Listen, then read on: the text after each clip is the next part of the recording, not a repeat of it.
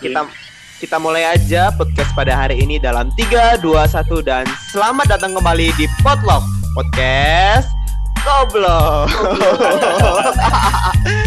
bersama bersama gua dan Akmal dan teman-teman gua Gua Tajrian. Dan gue Nabil Pratama. dan pada kesempatan kali ini kita bakal bahas tentang filsafat sains. Wow, gila nggak tuh? Berat banget tuh. bahas Ini ibaratnya kan, ibaratnya filsafat itu adalah mothernya il- ibunya ini ya ilmu gitu. Mm-mm, mm-mm. Terus Yap. sekarang dan sekarang kita ngebahas bagian kecilnya dari filsafat itu sendiri. Aduh, aku aja tuh bingung kan kalau misalnya dengar kata filsafat sains. Waduh, apa nih yang terlintas ya? Apa ya? Bingung. Gua aja, gua aja yang anak IPA itu aja bingung sama sains. Nah, bener, bener. Gila, gila. Tapi kita nggak afdol dong kalau misalnya kita cuma ngomongin ini bertiga doang. Ya nggak sih? betul sekali. Yoi, kalau gitu Kita kita tiga nggak paham ntar bahasannya. bener banget. Kalau gitu kita langsung aja ya undang ini dia. Tata Merka. Halo. Hai. Mantap. Suaranya. Cewek lagi nih, cewek lagi nih. Cewek lagi nih, cewek lagi nih. Oke, Tata boleh dong perkenalan diri dulu sedikit ya. Eh, apa aja nih yang dikenalin? Boleh nama, terus nama panggilan, terus sekarang lagi sibuknya lagi ngapain gitu. Oke, Selamat asli, selamat Eh, palsu. Oh, boleh boleh. Eh, nama aku Betari Merkuriusa Salsafira, tapi biasa dipanggil Tata. Eh, dari filsafat UGM tahun 2016. Kesibukannya sekarang lagi ngurus yudisium sama lagi nyari-nyari lowongan kerja sih. Wow, wow, wow, wow, Udah wow. espil ternyata guys. Udah expert nih ya, udah expert. Alhamdulillah. Udah espil Lumayan, dong. lumayan. Kayak mah apa tuh? Kebalik, kebalik. Aku Oh, sama Tanjiran lupa. apa tuh? Apa Iya tuh? lupa lupa. Ya. Oke. Oke, oke. Nah, ini kita bakal bahas tentang filsafat sains nih. Tapi kalau kita eh, tanya langsung ke Tata nggak seru dong. Masa kita langsung tahu ke Tatanya? Kita Waduh. tanya dulu, tanya dulu ke teman-teman kita nih. Azik. Buat siapa dulu nih? dulu deh. Lo dulu dong. Lu dulu. Absen dulu lah. Touch, lu dulu touch, lu dulu touch. asli, asli, asli. Lu dulu touch, gimana touch? Aduh, kok gue dulu sih? Enggak, Oke, ini gini, gini, agak- gini aja, gini, gini, gini. Pertanyaannya simpel aja. Apa yang lu pikirkan ketika lu mendengar kata filsafat sains? filsafat sains. Hmm. Eh, gue mau ini ya, gue mau coba berbicara dengan ada dasarnya. Anjir, Gini, Hebat, hebat. hebat. Gila, gila, gila, gila. Kajian sudah mencoba menjadi filsuf sekarang, sudah mencoba berfilsafat. Enggak, ini ini gue eh, apa namanya iseng-iseng aja gitu. Hmm. Filsafat, filsafat apa yang ada eh, di benak gua, bukan di benak gua sih, apa yang ada di Pikiran. website ini Oh, tentang filsafat. gua, gua bilang biar nggak ini ya, gua bilang gua biar nggak menurut gua aja, tapi ada di website juga gitu. di Wikipedia. Gua men- mendasar dari Wikipedia gitu. Eh, filsafat itu jadi eh, secara harfiah itu bermakna pecinta kebijaksanaan. Hmm. Kebijaksanaan lah intinya. Lu pernah ini nggak sih? Lu pernah eh, nonton yang ini nggak sih? Kok bisa tentang filsafat? Hmm, hmm. Pernah nggak sih, Doi? Pernah, pernah, pernah, pernah. Dan memang secara harfiah itu artinya itu adalah kebijaksanaan. Hmm. Nah, Kemudian eh, dari pengertian dari Wikipedia itu filsafat adalah kajian masalah umum dan mendasar tentang persoalan seperti eksistensi, pengetahuan, nilai, akal, pikiran dan bahasa. Nah, yang mungkin yang ingin kita bahas eh, sekarang adalah filsafat sains yang mungkin lebihnya ke eh, filsafat mengenai ke pengetahuan kita mengenai ilmu-ilmu sains gitu. Pun juga kan di UGM sendiri itu ketika kalau gua ngambil biologi itu nanti itu ada pelajaran atau mata kuliah filsafat tentang kebiologian gitu. Pun di fisika juga ada filsafat kefisikaan. Pun di eh, jurusan-jurusan murninya pun ada lagi filsafat-filsafat. Kenapa filsafat ini perlu dipelajari? Menurut gua filsafat ini adalah suatu uh, apa namanya suatu ilmu yang memang uh, harus harus dipelajari karena dengan mempelajari filsafat ini kita bisa membentuk pemikiran kita supaya menjadi lebih lebih apa ya lebih lebih terbuka lah gitu lah jadi nggak hanya terpaku dalam satu dogma saja gitu hmm. kemudian menurut gua ini menurut gua ya pure menurut gua ya filsafat itu lebih ke bagaimana cara kita berpikir, bagaimana cara kita uh, ini apa menyelesaikan suatu permasalahan dan kalau gua mengutip dari kok bisa filsafat itu adalah satu simbol yaitu tanda tanya. Jadi apa pun yang ada di dunia ini itu bisa dipertanyakan dan ketika itu bisa dipertanyakan itu bisa masuk dalam filsafat. Hmm. Itu sih yang yang positif dari kok bisa dari channel kok bisa karena mereka pernah bahas tentang filsafat juga gitu. Itu menurut gue deh. Oke, mantap mantap. Kalau Nabil sendiri Bil, apa yang kepikiran sama lu kalau misalnya lu dengar kata filsafat sains? Gila ya, jadi Tajrian udah agak dalam ya mungkin menurut gue. Gila. Gila sih emang. Hmm. Ini kalau menurut gue ya tentang filsafat sains ya pertama kayak yang gue bilang di awal tadi uh, filsafat itu kan uh, ilmu apa ya kayak ibaratnya kalau kapal tuh dia tuh mothershipnya gitulah gitu. Hmm. Jadi paling utama gitu dari semua ilmu yang muncul tuh awalnya tuh dari fil dari filsafat. Nah terus kayak misalkan contoh penemu-penemu gitu kayak misalkan uh, apa penemu lampu siapa namanya? Thomas, Thomas. Thomas. Nah, si Thomas, si Thomas ini ini juga kan dia kan dia juga seorang filsuf kan, dia juga seorang filsafat. Dia mungkin melakukan filsafat untuk menemukan metode-metode yang di mana dia akhirnya bisa menemukan lampu gitu. Dan dia pasti juga dulunya mikir gitu, uh, uh, kita gelap terus nih, uh, kita uh, kita butuh cahaya yang di mana cahaya ini tidak harus kita mendapatkan dengan cara susah gitu dengan dengan maksud atau kata lain kita tidak perlu kayak uh, menggosokkan dua kayu ataupun kita meng, apa menggeserkan dua batu untuk mengeluarkan percikan api yang hasilnya akan membuat cahaya gitu kan. Hmm. terus juga kayak misalkan uh, gravitasi siapa gravitasi? Lupa gue namanya. Newton Newton. Newton Newton, nah, Newton. Newton juga mungkin dia, juga seorang filsuf gitu yang setahu gue di mana ketika dia sedang, sedang apa uh, kalau tidak salah dia tuh lagi apa ya di bawah pohon kalau salah lagi lagi lagi santai gitu. Nyatanya atau lagi mikir gitu gue lupa. Dia lagi di bawah pohon terus ada buah jatuh. Terus tiba-tiba langsung mikir kan wah dia langsung dia langsung berfilsafat gitu. Uh, kenapa buah ini jatuh gitu? Dan apakah di sini ada sebuah sesuatu yang mengakibatkan buah ini bisa jatuh ke bawah? Dan mungkin kenapa semua uh, benda yang ada di bumi ini bisa jatuh gitu? Kan itu sudah mungkin menurut gue itu sudah termasuk berfilsafat ya. Jadi menurut gue kayak gitu sih doi. Hmm oke oke oke. Nah gini nih Uh, kalau di pikiran gue sendiri, kalau misalnya gue dengar kata filsafat sains, gue tuh bakal kepikiran tentang Newton sama Archimedes. Jadi kenapa tuh? Oh, jadi iya, iya, iya. tadi kan yang seperti dibilang kalau misalnya uh, Newton itu kan uh, nemuin hukum gaya gravitasi itu kan dengan cara duduk di bawah pohon, terus dia uh, jatuhan nih kejatuhan uh, apel Nah, durian oh, ah, apel, apel, apel. Durian ntar ini sakit, sakit kalau ini. Meninggal dia nggak jadi. nggak jadi. Nggak ada, nggak ada, nggak ada ilmu gravit, gravitasi nggak ada. Kita pusing-pusing belajar fisika. iya, anjir. Nah itu yang kepikiran sama aku. Nah sama konsep Archimedes itu, yang di mana kalau misalnya gaya gaya apa sih gaya? Aduh lupa. Gaya apung, nah gaya apung. Nah gaya apung itu kan dia kan uh, pertamanya itu kan dia pusing kan ya gimana cara ngitung berat emas yang abstrak ya nggak sih?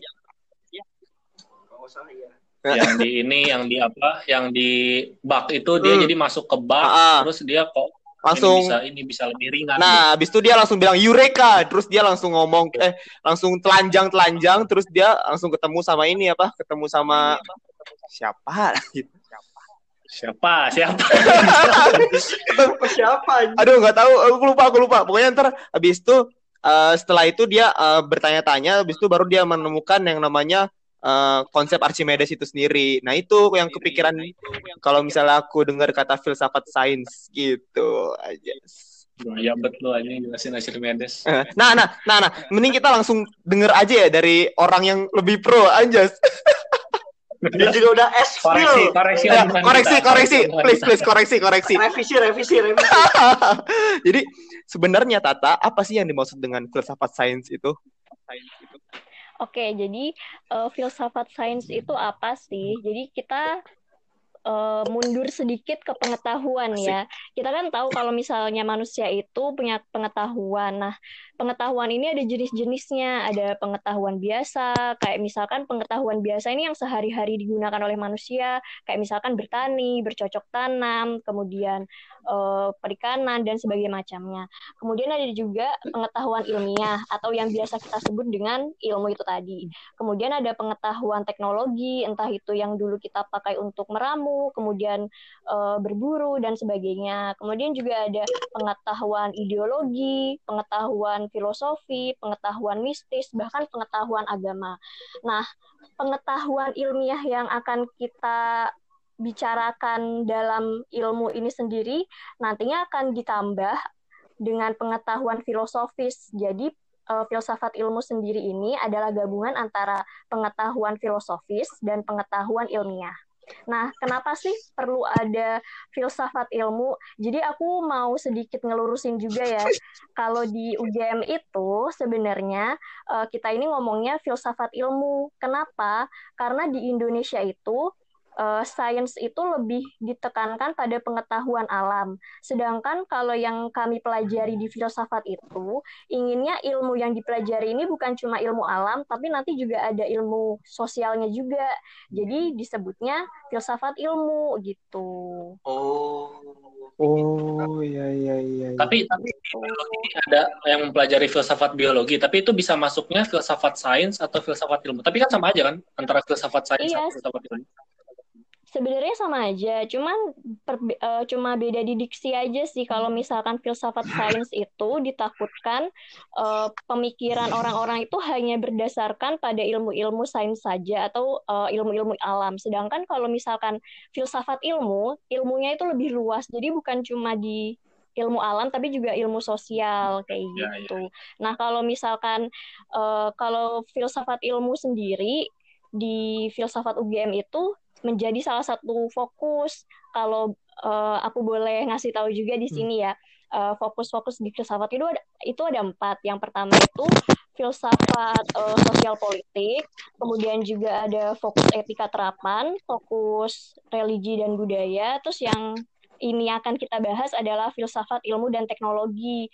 Nah di sini uh, filsafat khusus yang mempelajari filsafat ilmu ini dibagi lagi ada filsafat ilmu kealaman, ada filsafat ilmu hayati, ada filsafat ilmu psikologi, bahkan ada juga uh, sosiologi untuk ilmu dan pengetahuan kayak gitu. Jadi ketika uh, ilmu pengetahuan atau pengetahuan ilmiah yang udah kita pelajari, nah di situ dibahas lagi secara sosiologis itu seperti apa, penerimaan dalam masyarakat itu seperti apa. Nah nantinya uh, hal-hal ini akan digunakan untuk menyelesaikan masalah yang ternyata tidak terselesaikan di ilmu-ilmu tertentu itu tadi gitu. Hmm. Ini kayak berarti dia tuh kayak uh, kalau kasarnya penengah gitu ya misalkan udah buntu gak ada jawabannya gitu kan bisa pakai nah bisa dibilang kayak gitu ah. kalau kalau begitu ya kalau begitu uh, apa bedanya filsafat ilmu yang difokuskan di UG, filsafat itu sama uh, jurusan-jurusan yang lain seperti kan filsafat ilmu hayati kan ada biologi terus filsafat ilmu psikologi eh psikolog eh, kan ada jurusan psikologi itu apa bedanya itu? Apa bedanya itu? Nah, sebenarnya kalau misalkan filsafat ilmu sendiri itu kan dibagi jadi beberapa macam. Ada yang filsafat ilmu umum itu uh, biasanya mempelajari kesatuan, keragaman, terus juga hubungan-hubungan antar ilmu yang nantinya ada interdisiplin, terus ada multidisipliner juga. Kemudian ada juga filsafat ilmu khusus. Nah, ini adalah kajian fil, uh, filsafati yang membicarakan aspek-aspek dalam ilmu tertentu itu tadi. Jadi, kalau misalkan di psikologi, kita kan tahu kalau psikologi itu adalah ilmu kejiwaan. Nah, kenapa di uh, dilihat dari sudut pandang filsafati juga karena kita ingin mengetahui apa sih sebenarnya hakikat dari kejiwaan itu apakah jiwa itu ada wadahnya atau apakah jiwa itu sebenarnya hakikatnya seperti apa terus juga mungkin ada yang percaya tentang konsep kesurupan. Nah, kalau di ilmu psikologi kan nggak bisa nggak bisa apa namanya nggak bisa menjawab pertanyaan itu kan. Nah, kalau di filsafat tuh ada. Wah, gitu. menarik ini, menarik ini. Menarik ya, menarik. Ini makanya jadi kayak eh jadi kalau misalkan di ilmu psikologi ada hal-hal yang berhubungan dengan kejiwaan tapi ternyata mereka belum bisa menyelesaikan masalah itu nah kita pakai kajian yang lebih filsafati kayak gitu filsafat. Coba coba kita kita bahas ini, kita Seru bahas nih. kesurupan ini. Iya, iya, seru. Ini seru nih kayak bahas kesurupan ya. Oke, kita Kesurupan wah jadi kesurupan random banget ya bahasannya. Tapi ini tadi di ini kan disenggol ya, disenggol mengenai eh, kesurupan.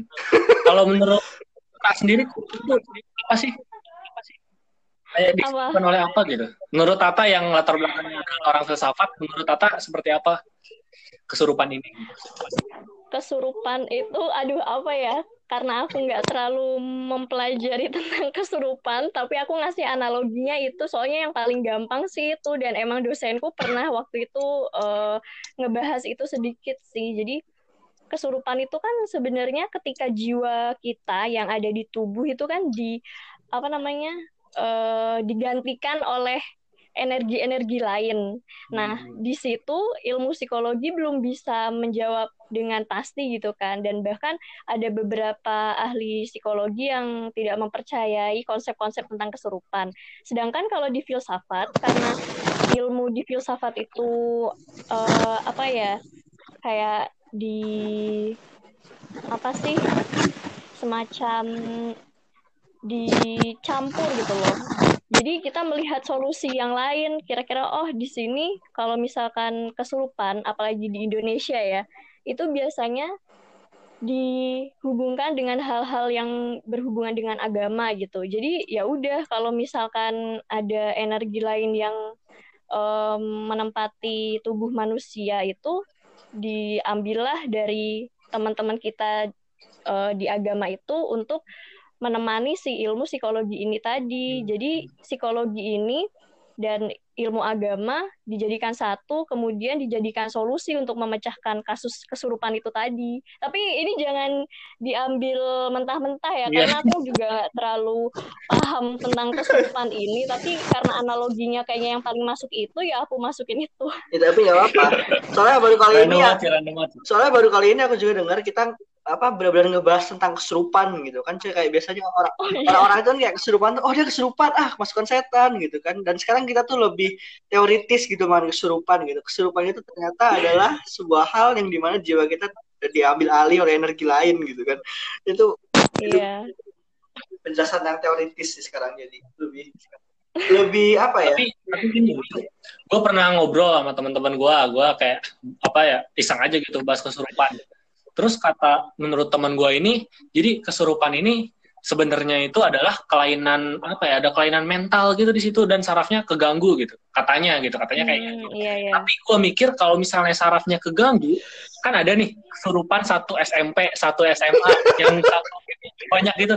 Nah, kok bisa kelainan saraf ini bisa nyebar gitu dan menurut gue ini nggak make sense kalau misalnya eh, si kesurupan ini hanya eh, kelainan saraf doang gitu. Pasti ada hal-hal lain yang memang eh, belum kita jelaskan gitu, belum bisa dijelaskan eh, secara saintifik gitu. Karena kalau misalnya kalau misalnya apa ya disebabkan oleh sistem sarafnya yang rusak itu pasti otomatis ya seharusnya ya seharusnya nggak bisa nyebar nyebar ke teman-teman yang lain gitu sampai se SMP kena Hmm. surupan gitu semua gitu kan. Maka dari itu mungkin orang-orang eh, menyimpulkan bahwa kesurupan ini ya oleh roh gitu dan roh bisa pindah-pindah gitu. Nah juga ngerti kayak gimana berarti ini mungkin SMP-nya aja yang satu sekolah syarafnya rusak semua. Iya iya. Nah kan masa kayak gitu gitu. Kalau misalnya kalau misalnya gangguan psikologi kalau misalnya gangguan psikologi nih masa kok bisa nyebar kayak gitu? Dan itu secara spontan nyebarnya gitu loh. Ya gue nggak tahu sih. Gue juga tidak mempelajari psikologi secara mendalam tapi ya, kalau misalnya memang disebabkan oleh psikologi kok bisa menyebar secara spontan dan kayak menyebabkan orang orang gila? Satu sekolah satu kemahan satu ya pokoknya banyak banget orang gila gitu Hmm. nah lah gue nggak bener yang seperti apa gitu tapi ini apa ya iseng aja sih gue iseng aja ini Tapi ya cu, uh, gini cu, uh, gue itu kan pernah punya diceritain ya diceritain. Jadi uh, temen gue, temennya temen gue, dia itu kan uh, kesurupan dan dia itu di kelas. Nah sama gurunya, gurunya ini kan tahu kalau misalnya dia itu uh, lebih ahli lah, lebih ahli. Nah sama gurunya ini, uh, anak muridnya disuruh keluar, terus si apa si anak yang kesurupan ini ditinggal dalam kelas sendirian.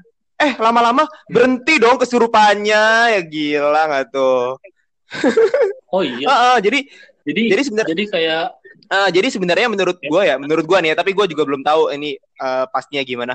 Menurut gue kesurupan itu uh, orang caper sih. Jadi orang ini uh, butuh perhatian bukan butuh perhatian tapi dia cari perhatian di mana dia mencoba untuk uh, kesurupan gitu kayak oh aing teh saha iya gitu kan. Nah habis itu habis itu uh, karena karena ini adalah apa karena ini adalah dia nyari nyari apa nyari perhatian sama guru temen gua dibiarin aja tuh dia uh, sampai selesai dan beneran selesai dong beneran selesai dia kesurupannya kayak normal lagi, normal lagi, nggak ada kenapa-napa, nggak sampai seharian dia kesurupan. Dia tuh normal lagi habis itu, habis dibiarin di kelas sendirian, udah, habis itu normal lagi. Cuman cari perhatian doang sih menurut gua ya, kalau menurut gua. Nggak tahu. Tapi doi, tapi doi, hmm. kalau nyari perhatian doang, hmm. kok bisa nyebar? Nah, nah itu pertanyaan. Nah, nah, gini, gini, gini. Gue tuh pernah, gue tuh pernah denger ya dari YouTube ya bahwa kalau misalnya uh, cari perhatian itu bisa nyebar, bisa kayak apa?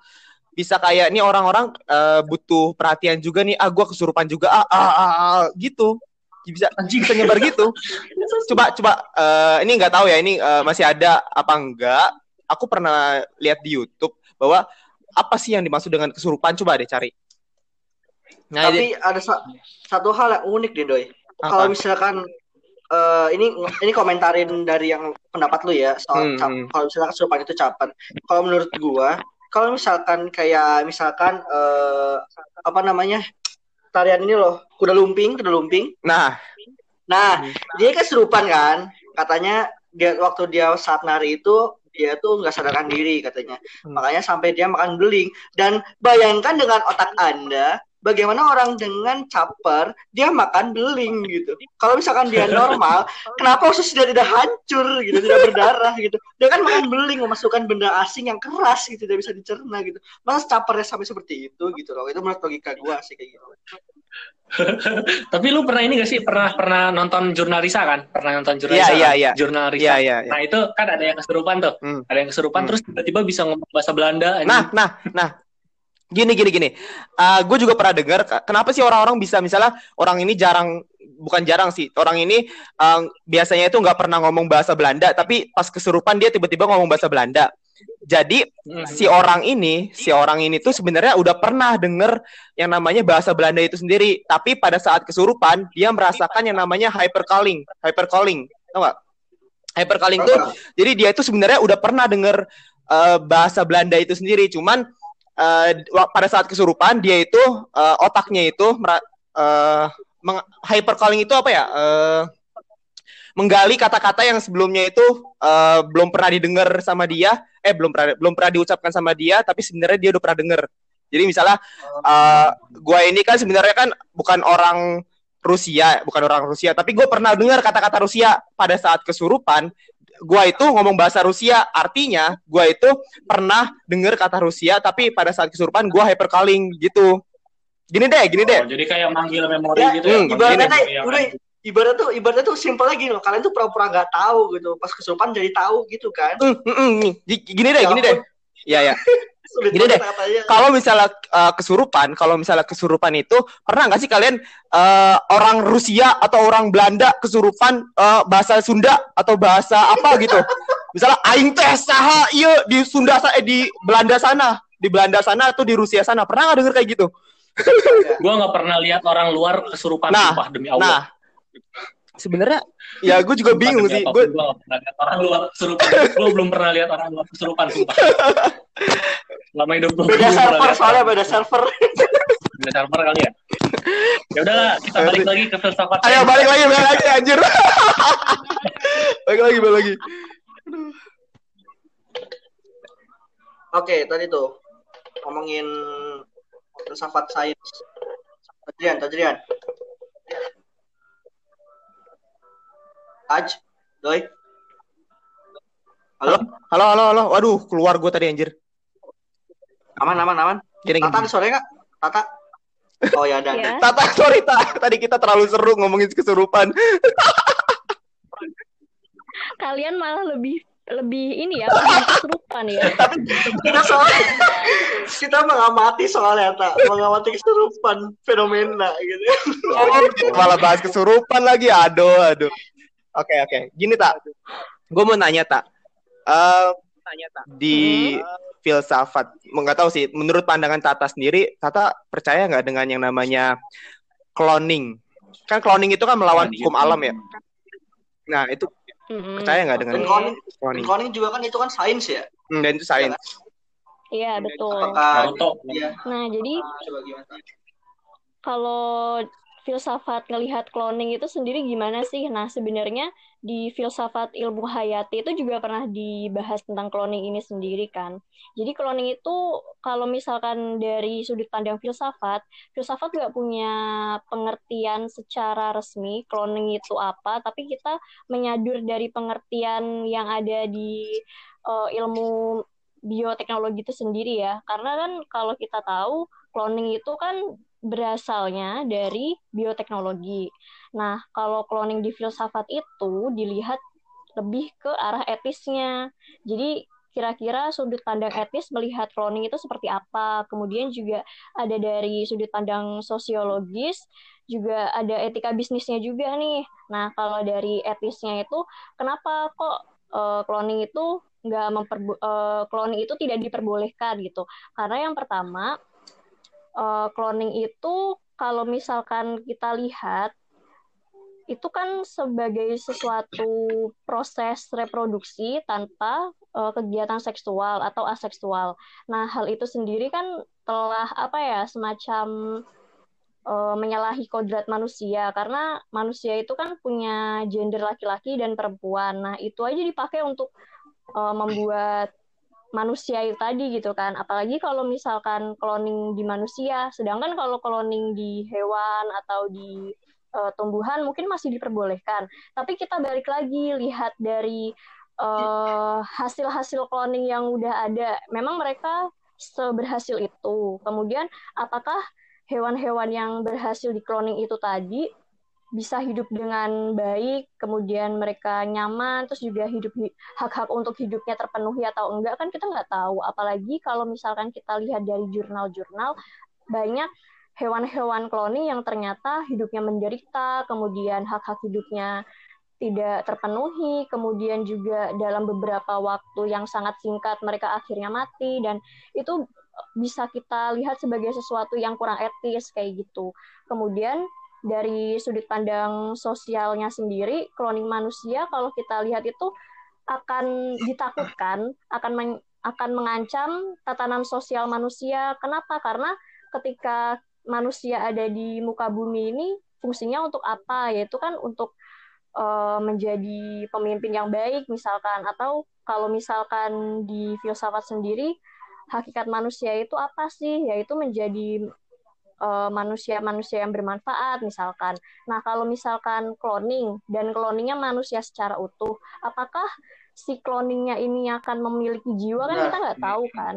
Nah, kemudian juga kalau misalkan kita lihat dari sisi etika bisnisnya, ada beberapa perusahaan yang entah itu fiktif atau memang sudah ilmiah, mereka itu eh, berusaha untuk membuat cloning manusia. Tapi cloning manusia yang dimaksudkan di sini itu bukan eh, apa ya, bukan manusia utuh, tapi mungkin beberapa ada organ-organ tubuh tertentu yang dibutuhkan oleh manusia yang disesuaikan dengan kebutuhannya. Misalkan ada orang yang menginginkan eh, jantung yang lebih baik dari punya dia, kemudian dia cloning atau misalkan paru-paru, kemudian eh, organ-organ yang lain. Nah, ketika kita melihat ini, apakah eh, etika bisnisnya itu memang sudah apa ya, sudah eh, memenuhi standar-standar etis gitu loh? Karena semakin ke sini semakin ke sini banyak marketing yang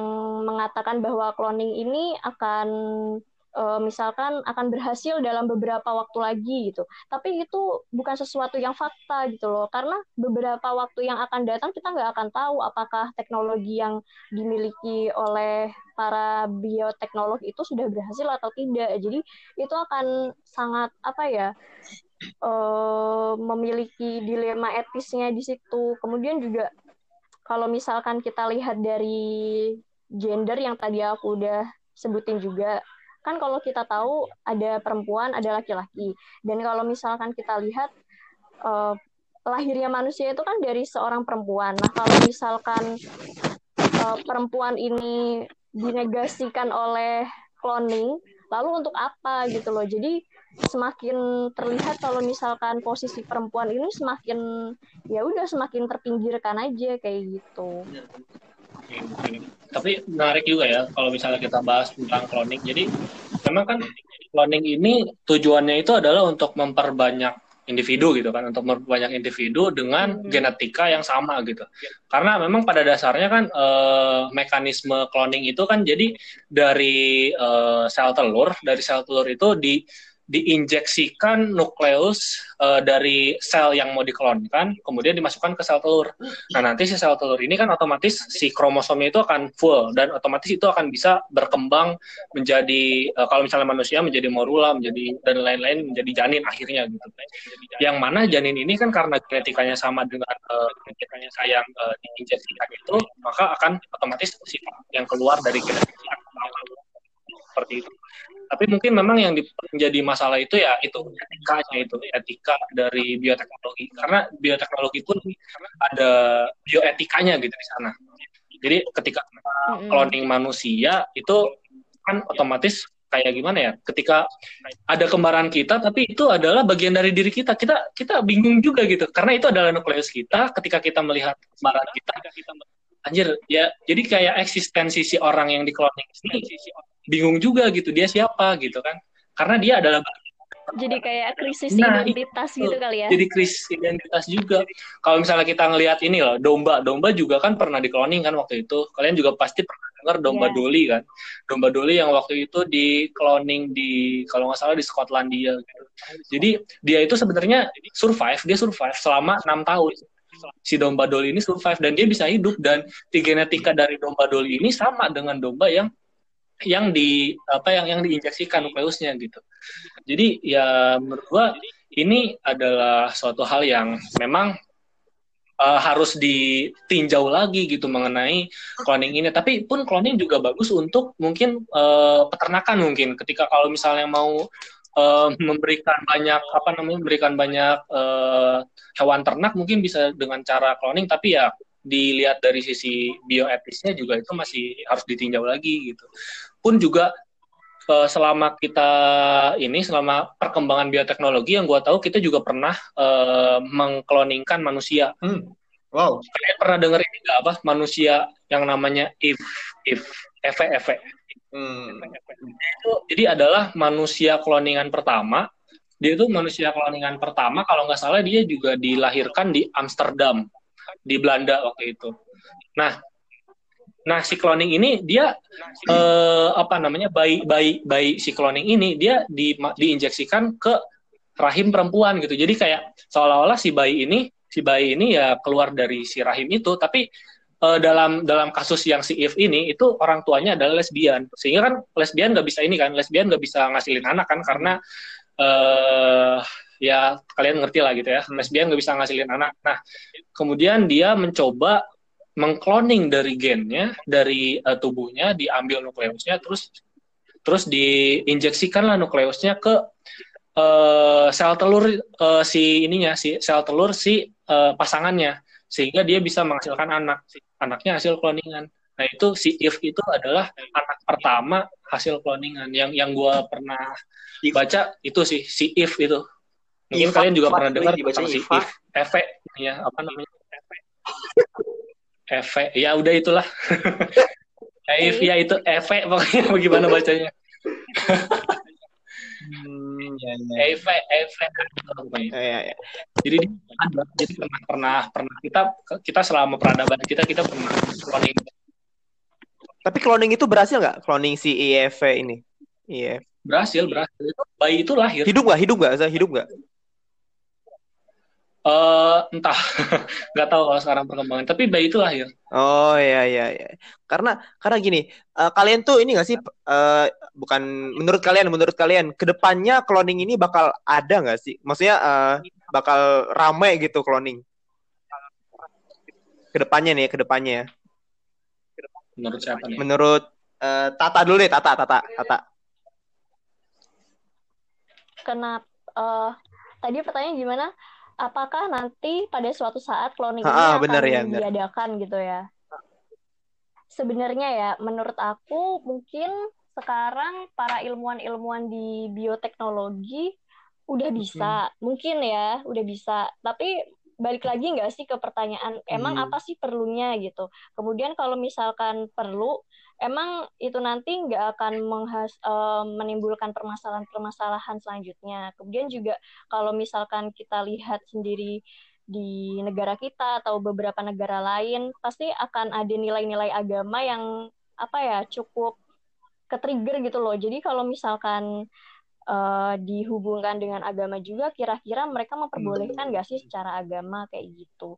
Tapi kalau misalkan dilihat dari teknologinya dan dilihat dari kemampuannya mungkin bisa dan mungkin kalau misalkan nggak ada batasan-batasan di dalam uh, lingkup para komunitas ilmiah hal itu nggak mungkin nggak akan dilakukan kayak gitu. Hmm, ya, ya, ya, ya, ya. Kalau kalau menurut lu tat eh menurut lu Bill, lu, lu Bill, Bill. menurut gua ya. Kalau gimana Cloning Bill? mungkin ke depannya mungkin ada ya, tapi kalau manusia kayaknya enggak deh kalau buat hewan dan tumbuhan karena mungkin hmm. iya ya hmm. karena kan dilihat dari secara populasi kayak tiap tahun populasi manusia kan bertambah ya walaupun sekarang lagi corona berkurang cukup banyak tapi ya percuma saja yang di rumah menghasilkan dua anak gitu kan kayak gitu kan dan juga uh, apa ya kayak misalkan cloning gitu yang aku bingung sampai sekarang kalau ini kan jadi kan manusia lahir itu kan ditiupkan roh ya sampai sekarang Nah, sedangkan kalau cloning hmm. ini dia tuh beroh apa enggak gitu, kayak tadi kayak Tata bilang gitu. Karena uh, kalau misalnya kita hanya membuat rupa atau fisiknya saja gitu, terus dia hidup gimana gitu? Apakah kita secara tidak langsung juga menciptakan roh juga apa gimana gitu kan? Karena kan kayak dipikir-pikir gitu kan, ini kita membentuk suatu individu baru tanpa adanya apa ya? Ya kayak kita kayak ibaratnya kita membuat Lego lah gitu dari kecil gitu kan sampai besar gitu. Tapi ya nggak ada isinya gitu kalau aku pikir kayak gitu. Karena ya tadi gitu kan kayak kita lahir itu kan udah ditiupkan roh gitu. Sedangkan kita membuat sesuatu individu baru yang entah itu ada rohnya apa enggak gitu. Itu yang masih gue bingung sih. Gue kayak gitu doi. Hmm, oke oke oke oke. Siap siap. Nah kalau Tajran sendiri gimana Taj? Iya hilang pasti. Nah ini pasti. Iya, iya, Tajran hilang. Hei. Touch. Oke, foto dulu aja, Doi. Ah, menurut gue ya. Kalau menurut gue uh, untuk cloning sendiri ya, benar tadi kata Nabil. Kalau buat ke manusia kayaknya untuk ke depan bisa, mungkin bisa, mungkin bisa, cuman nggak akan banyak sih, nggak akan banyak kayak dia adakan diadakan untuk cloning gitu nggak nggak. Cuman kalau misalnya buat ke hewan buat ke hewan kayaknya ada sih akan ada dan akan mungkin ya akan mungkin banyak. Karena dari dom yang kemarin kan yang domba aja berhasil kan. Domba dan berhasil hidup selama enam tahun. Sedangkan yang cloning sendiri kata Tajren berhasil cuman kan untuk bertahan hidupnya kan belum tahu dia uh, bisa bertahan hidup sel selama berapa tahun. Dan bener bener tadi kata Nabil kalau misalnya kita, uh, cloning itu ada rohnya dari mana? Rohnya itu dari mana? Uh, ya itu itu yang dibingungkan. Rohnya dari mana? Dan dan dan kalau misalnya kayak gitu ya, kalau kayak gitu berarti uh, manusia itu bukan orang yang dianggap apa ya? Bukan orang yang dianggap suatu jiwa yang mempunyai spiritual. Berarti dia adalah hew enggak enggak itu berarti dia itu sama aja kayak hewan gak sih kalau misalnya ada cloning? Karena kan uh, manusia ini kan mempunyai jiwa dan spiritual mungkin ya kalau menurut gua manusia ini kan mempunyai jiwa dan spiritual sedangkan kalau misalnya hewan sendiri kan kayak cuman ya hewan ya gitu aja gitu aja nggak ada aluri nggak ada aluri. spiritualnya nggak ada spiritualnya naluri aja.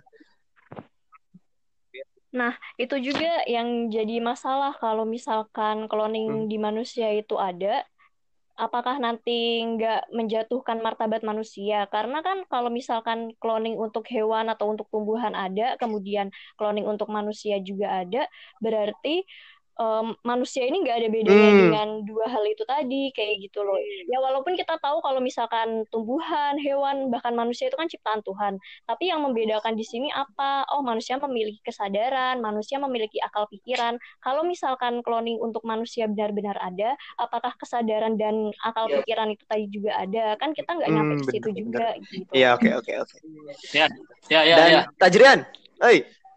Nah, kalau Menurut lu gimana nih? Nyinggung-nyinggung agama juga ya. Jadi gua enggak enggak enggak enggak enggak enggak enggak Enggak, enggak ada, enggak ada kata agama, enggak ada kata agama, enggak ada. Oh, lebih pandangan enggak, iya, maksudnya pandangan gue lebih enggak ya. Jadi aku netral, aku sini netral ya. Oke, oke. aku netral, aku netral, aku netral.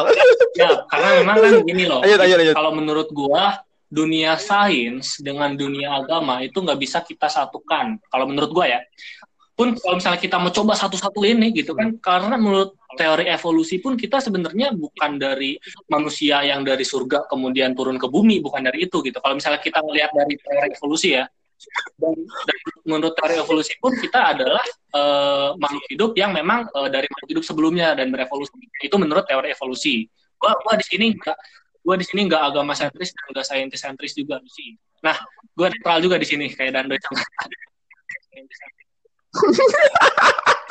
ikut ikut ikut ikut ikut ikut roh di sains itu roh itu uh, apa ya keberadaan roh ini eksistensi roh ini belum bisa dibuktikan dengan sains.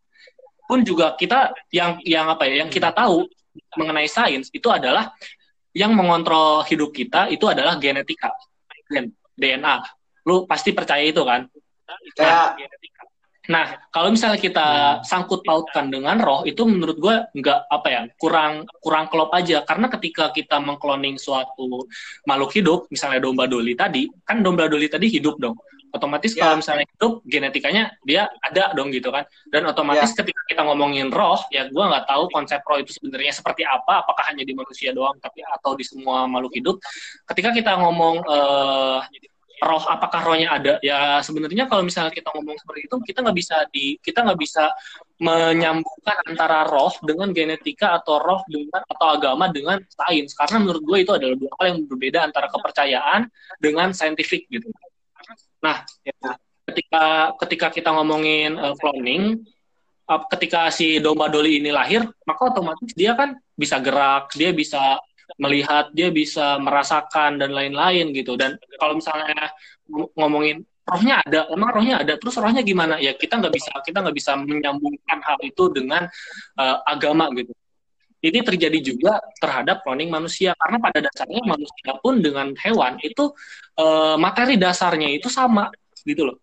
Kita memiliki genetika kita memiliki DNA yang relatif sama dengan hewan-hewan gitu. Maksudnya uh, terlepas dari uh, apa namanya di uh, perbedaan bahasa nitrogen sebenarnya DNA-nya itu sama aja gitu. Double helix dan lain-lain gitu antara hewan manusia pun sama aja gitu. Jadi gue di sini ngomong bukan apa ya bukan uh, antroposentris yang akan membedakan manusia dengan hewan tapi memang sebenarnya secara kepercayaan uh, hewan dengan manusia itu beda kan.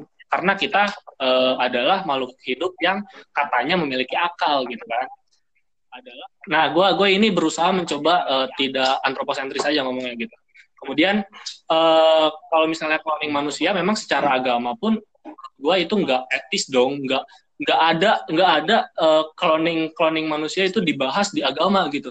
Maka dari itu menurut gue nggak nggak nggak etis ketika kita me, menggandakan manusia dengan cara cloning gitu. Pun juga di tumbuhan juga sebenarnya kan ada kan uh, bukan cloning sih tapi itu kultur jaringan untuk memperbanyak tumbuhan gitu kan. Yeah. pun menurut gue itu adalah hal yang wajar ketika ketika kita ingin memperbanyak tumbuhan untuk mendapatkan uh, mungkin di bidang pertanian untuk supaya panennya lebih cepat dan lain-lain atau mungkin di bidang uh, apa namanya ketika misalnya ada tumbuhan yang akan punah terus dikultur supaya nggak punah kan itu bisa juga gitu. Tapi menurut gua ketika cloning ini dilakukan di manusia pun juga manusia kan sekarang udah 8 miliar cu udah banyak banget Iya. ngapain di cloning aja Benar. kayak nambah-nambah manusia malah kita kan sekarang harusnya mengurangi populasi manusia gitu Iya kan iya mungkin dengan iya cara iya. iya. Iya iya iya iya iya. Betul sekali. Dengan ada pandemi. Iya. Iya, iya, iya, iya. gitu tapi ya maksud gua apa sih urgensinya kita mengkloning manusia? Tapi kalau misalnya mengkloning hewan mungkin supaya hewannya lebih banyak supaya kita eh, stok hewannya lebih banyak dan stok dagingnya lebih banyak juga mungkin seperti itu kalau untuk cloning hewan.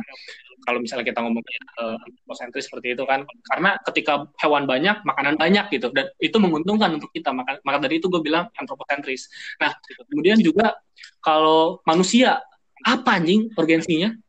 Buat apa gitu manusia di cloning gitu kan? Benar-benar.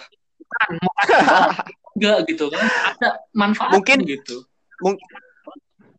mungkin mungkin eh, mungkin ya. Mungkin kalau misalnya kita cloning manusia kok manusia ini bakal jadi tentara kayak Terminator mungkin? Iya. nggak tahu. Mati Tapi aja kan dibuat aja tuh. kan untuk Tentara- tentara. peradaban Cuk. ya kan kita nggak tahu Ya, urgensi ya, ke depannya gimana. ada kepentingan di negara-negara yang mungkin bisa mengkloning itu juga. Tapi ya menurut gua secara etis dan secara agama itu nggak baik untuk dilakukan di hewan eh di hewan di manusia di hewan Ya, intinya antara sains sama agama janganlah kita di satu-satuin gitu loh karena kurang klop gitu antara Nabi Adam dengan teori evolusi ya nggak klop mau disatuin satuin gimana nggak klop gitu Iya iya iya. menurut gua Hmm. Oke. Penjelasan Profesor Tajrian ini emang sangat mendetail ya. Bacot aja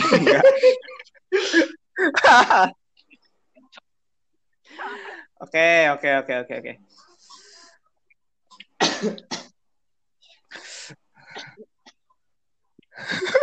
Bingung gua mau mulai dari mana anjir. Oke, oke. Gini, gini, gini. Eh, kalau misalnya kita eh, ngutip dari kata Tajrian tadi, berarti Tajrian tadi ngomonginnya eh, tentang apa? Nggak etis kalau misalnya ada yang namanya cloning di dalam manusia itu sendiri. Betul nggak sih kayak itu?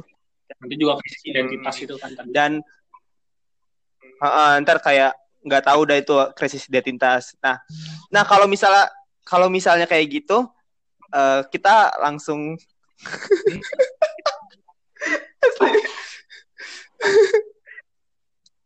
kita langsung aja nih masuk ke bagian terakhir nih ya, bagian terakhir. Eh, pertanyaan terakhir nih ya, gue gue tanya terakhir nih. Jadi gini, kalau misalnya ini gue masuk ke bahasan awal lagi ya, filsafat dalam sains itu sendiri.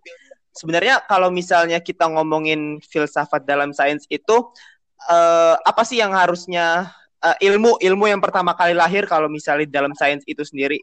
Kalau dalam sains itu sendiri ya, bukan dalam filsafat, tapi dalam sains itu sendiri gimana Tat? Eh, sebenarnya kalau misalkan di ranah filsafat ilmu, kenapa sih ilmu itu bisa terlahirkan kayak gitu kan? Nah, dari yang aku pelajari dan aku pahami, kalau misalkan kita ingin membuat ilmu atau eh, seenggaknya kita mau memperoleh pengetahuan atau penjelasan yang sistematis gitu. Nah, kita itu harus melihat suatu objek. Nah, objek ini kita amati secara empiris, kemudian kita olah, kita proses untuk mencari pengetahuan atau mencari penjelasan atas objek itu tadi. Kemudian kita serap, kita pakai eh, logika untuk menjelaskan, oh kira-kira ini adalah sesuatu yang masuk akal. Nah, itulah nanti yang akan disebut sebagai ilmu dan pengetahuan gitu. Nah, Apa sih pertanyaannya? eh, ilmu yang pertama kali lahir kalau misalnya di dalam filsafat sains itu sendiri? ilmu yang pertama kali lahir itu sebenarnya Hmm. lebih ke metodenya ya, lebih ke metode ilmiah. Jadi cara untuk memperoleh ilmu itu seperti apa? Nah, eh, metodenya sendiri itu kalau misalkan kita lihat garis besarnya itu ada dua. Yang pertama itu empiris dan rasional. Nah, kenapa itu dikatakan sebagai ilmu yang pertama kali lahir di filsafat ilmu ya karena itu nanti yang akan menjadi pijakan kita untuk mencari ilmu-ilmu lainnya. Jadi kita kan tahu kalau misalkan ilmu, pengetahuan, teknologi, hmm. rekayasa itu kan semakin berkembang. Semakin hari semakin berkembang, semakin menyesuaikan dengan kebutuhan manusia. Nah, dari dua metode ini tadi kita lihat kira-kira mana yang paling cocok, kira-kira mana yang paling uh, diinginkan oleh manusia, mana yang bisa menjadi solusi atas permasalahan-permasalahan manusia kayak gitu. Oh, jadi lebih ke metodenya berarti ya? Oh, jadi lebih ke Iya, kalau misalkan hmm. di filsafat ilmu kayak gitu. Dan lagi kalau misalkan kita lihat lebih filosofisnya sendiri, kan kita tahu kalau misalkan filsafat itu terbagi menjadi tiga bagian. Yang pertama itu ontologi, kemudian ada epistemologi sama aksiologi. Nah, di filsafat ilmu juga kita membahas hal-hal kayak gini nih. Nah, ontologinya itu biasanya lebih ke persoalan-persoalan yang membahas mengenai uh, pertanyaan apa. Nah, di ontologi ini kita bakal apa ya, membahas seputar pertanyaan uh, apa sih yang disebut dengan ilmu, kemudian apa objek ilmunya, kemudian juga uh, apa yang uh, harus kita pandang dari asumsi-asumsi terhadap objek ilmu itu. Kemudian juga yang kedua itu epistemologi. Nah, di sini tadi yang juga udah aku bahas, yang pertama itu metodenya itu tadi atau metodologi. Kemudian juga ada sumber-sumber kebenaran itu dari dari dari metode yang mana kira-kira lebih ke empiriskah atau lebih ke rasional kah kayak gitu. Kemudian juga ada validitas. Nah, di sini validitas kita lihat kira-kira menggunakan metode verifikasi atau falsifikasi. Nah, itu udah tingkat lebih lanjutnya lagi buat filsafat ilmu kayak gitu. Nah, kemudian yang uh, paling penting di antara ketiganya ini adalah aspek aksiologinya. Nah, kita kan tahu kalau misalkan ilmu itu akan berkembang di mana ilmu tersebut lahir gitu kan. Nah, dalam tinjauan aksiologi sendiri ini ada dua pandangan nih yang ngomongin tentang ilmu dan nilai. Nah, yang pertama itu kaum positivis.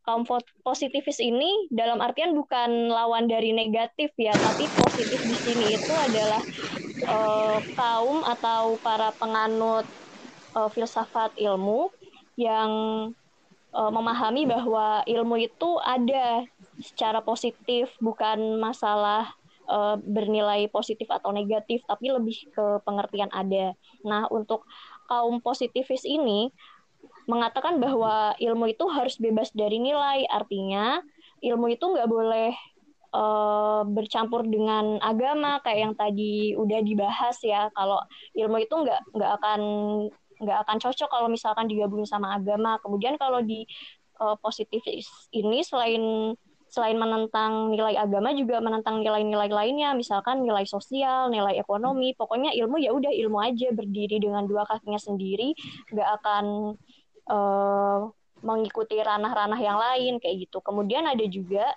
kaum teori kritis yang mengatakan bahwa oh ilmu itu harus harus uh, harus berpatokan pada nilai-nilai yang ada di wilayah tertentu gitu misalkan. Jadi kalau misalkan di suatu wilayah atau di suatu negara tempat ilmu lahir itu nilai agamanya sangat lekat, jadi ilmu itu harus mengikuti nilai-nilai agama. Kemudian juga kalau nilai budayanya sangat lekat ya harus mengikuti nilai-nilai budaya. Oke, oke. Gitu kan. Mantep banget. Nah, jadi Iya, iya benar benar benar benar banget. Jadi tadi uh, eh, gue ngutip dari kata si Tata tadi, kalau metode itu ada tiga, yaitu ontologi, epistemiologi, dan validitas. Sebenarnya itu bukan metode, tapi lebih ke aspek-aspek dalam filsafat. Jadi kalau misalkan kalau misalkan hmm. aku bikin diksi sendiri ya, kalau misalkan di ilmu politik hmm. itu kan ada trias politika. Nah, kalau di filsafat ilmu ini ada uh, trias oh, filosofia okay, gitu. Oke, okay. Jadi kayak trias politika. Trias, pol trias politik eh tadi trias trias politikanya. Hmm politika tapi Kayak pilar gitu Iya, tapi dalam hmm. aspek filsafatnya Berarti kalau gitu. Iya, iya, iya, ber kayak pilar gitu. Berarti seharusnya ya, seharusnya filsafat kalau dipelajari sekarang itu masih relevan dong dengan ilmu sekarang. Iya, karena Ya, karena ilmu relevan. semakin berkembang tadi yang seperti dikatakan oleh Tata Merka. Iya. Mm-mm. Oke, oke, oke. Iya. Nah, Tajrian sama Nabil ada lagi nggak yang mau ditanyain? Tadi tadi kan Tata sempat bilang rekayasa. ya. Oke. Aku jadi mikir kayak apa ya kayak rekayasa yang buatan itu loh yang Hmm. AI AI AI artificial intelligence ya. Iya iya itu tuh kan buatan ya. Oh iya, heeh. Terus Artificial eh, intelligence. apakah nanti ke depannya itu menjadi sebuah ancaman sendiri Iya. atau malah eh atau malah apa ya eh, memajukan gitu kira-kira gimana tuh menurut kamu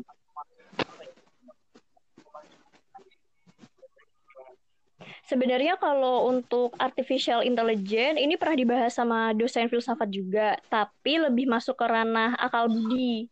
Jadi kan kita tahu kalau misalkan manusia itu kan punya punya akal budi, kemudian ada hubungan antara eh, pemikiran dan tubuh. Nah, kalau misalkan artificial intelligence itu posisinya di mana? Nah, kalau misalkan eh, di akal budi sendiri ada dua hal yang dibahas. Yang pertama itu brain, yang kedua itu mind. Nah, kalau misalkan artificial intelligence itu mereka memang punya Oh, brain, punya otak.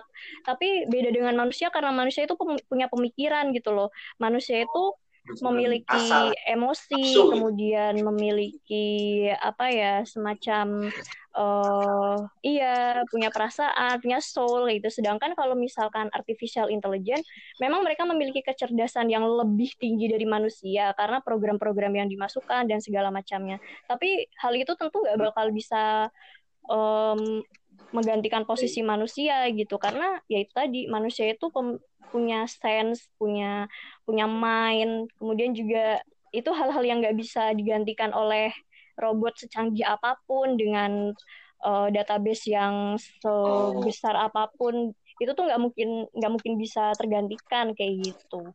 Karena tadi yang udah aku bahas juga mungkin em, mereka memiliki apa namanya memiliki otak yang amat sangat adik kuat lebih dari manusia tapi mereka nggak punya Oh, iya. kesadaran Kayak- mereka nggak punya dong. akal Ke pikiran lu pada deh. gitu. Kalau misalnya eh, AI itu kan memang nggak punya kesadaran, tapi dia punya kecerdasan yang istilahnya eh, lebih tinggi dari manusia. Ada nggak sih kemungkinan si AI ini mempelajari bagaimana sih manusia itu eh, memiliki kesadaran? iya bener Karena dia kecerdasan nih, dia punya kecerdasan, maka otomatis dia bisa menganalisis dong gitu. Menganalisis kok bisa sih manusia ini punya kesadaran? Mungkin mungkin nggak sih ketika ketika si AI ini berpikir itu, terus si AI ini mencoba untuk mengikuti manusia supaya mempunyai kesadaran gitu. ini gua iseng aja sih pertanyaan. Menurut Tata gimana, Tata?